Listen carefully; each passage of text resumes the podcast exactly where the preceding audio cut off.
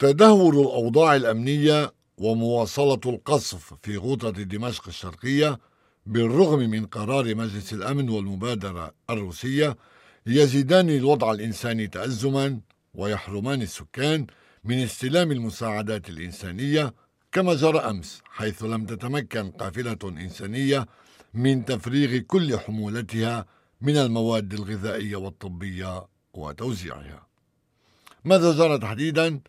تجيب الناطقة بلسان منظمة الصليب الأحمر الدولية في دمشق إنجي سلكي في مقابلة مع هيئة الإذاعة الكندية Le convoi se composait de 46 camions avec de l'aide en termes de nourriture, mais aussi euh, médicaux.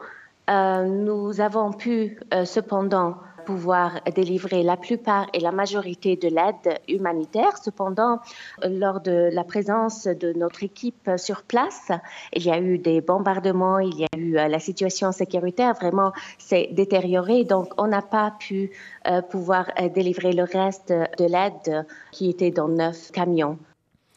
القافلة كانت مؤلفة من 46 شاحنة محملة بالمواد الغذائية والطبية وقد تمكنا من توزيع معظم تلك المواد الإنسانية. ولكن خلال وجود الفريق في المنطقة تساقطت القذائف وتفاقم الوضع الأمني ولم نتمكن بالتالي من توزيع محتويات تسع شاحنات. وعن عدم تطبيق هدنة الساعة الخمس تقول الناطقة بلسان الصليب الأحمر الدولي Euh, en fait, durant les, euh, semaines passées, on a entendu de plusieurs initiatives euh, venant de New York concernant le cessez-de-feu, mais aussi de Moscou sur la pause humanitaire. Mais cependant, ce qui est plus important pour nous, c'est d'avoir les garanties sécuritaires des partis qui, qui sont en train de se battre sur le terrain.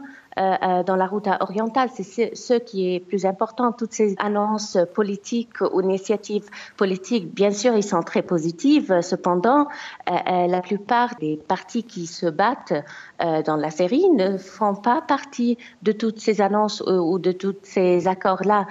سمعنا خلال الأسبوع الماضي عن عدة مبادرات من الأمم المتحدة بخصوص وقف إطلاق النار وكذلك من موسكو حول الهدنة الإنسانية ولكن ما هو أهم بالنسبة لنا هو الحصول على ضمانات أمنية من الأطراف المتقاتلة على الأرض في الغوطة الشرقية فكل تلك المبادرات السياسية والإنسانية إيجابية. ولكن معظم القوى المتقاتلة لا تشملها هذه المبادرات والاتفاقات لأنهم هم من يمتلكون القدرة على وقف المعارك أو على استمرارها. وعن اتهام أحد كبار المسؤولين في منظمة الصحة العالمية ضباطا سوريين بمصادرة المواد الطبية تجيب الناطقة الرسمية بلسان الصليب الأحمر الدولي En fait, je ne peux pas dire qu'ils ont confisqué. Il y a certains équipements ou euh, certains aides médicaux qui n'ont pas été euh, approuvés, donc on ne les a même pas mis dans le camion. Euh, bien sûr, ce qu'on a pu délivrer euh, hier en termes d'assistance médicale, ce n'est pas du tout suffisant en, tenant compte des besoins énormes euh, dans la région de la route orientale. Cependant, on a pu au moins délivrer quelques matériaux pour aider les, mm. les, personnes qui sont blessées à recevoir le traitement médical nécessaire, mais aussi d'autres médicaments. Ce n'est pas suffisant, c'est sûr. بالواقع لا يمكنني أن أقول إنهم صادروا تلك المواد فهناك بعض المساعدات والأدوات الطبية التي لم تتم الموافقة على توزيعها فلم نضعها في الشاحنات وبالتالي ما وزعناه من تلك المواد لا يسد الحاجة الضخمة في منطقة الغوطة. ومع ذلك تمكنا من توزيع المواد لمساعدة الجرحى وبعض الأدوية وبالطبع ليست كافية. لذلك نناشد كافة الأطراف للسماح لنا بإيصال تلك المساعدات وتوزيعها.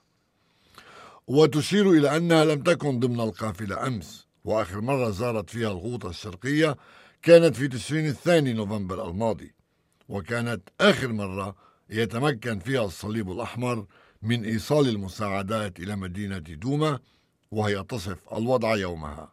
قائلة en novembre déjà, la situation était très, très critique. C'était euh, catastrophique parce que les gens n'avaient pas euh, de nourriture suffisante et quand il y avait de nourriture dans les marchés, c'était à des prix très élevés que n'importe quelle famille ne pouvait pas vraiment euh, acheter ce genre de nécessités de, de, nourriture qui sont très simples comme le, le lait ou les tomates ou même pas le pain.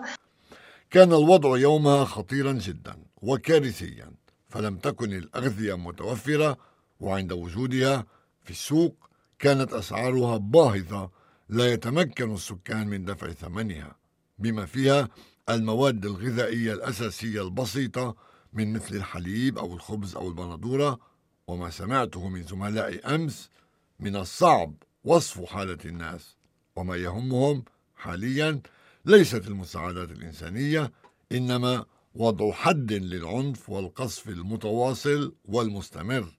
فالناس يقضون أياما طويلة تحت القصف وبعضهم يختبئ في الملاجئ منذ خمسة عشر يوما ولم يروا خلالها نور الشمس.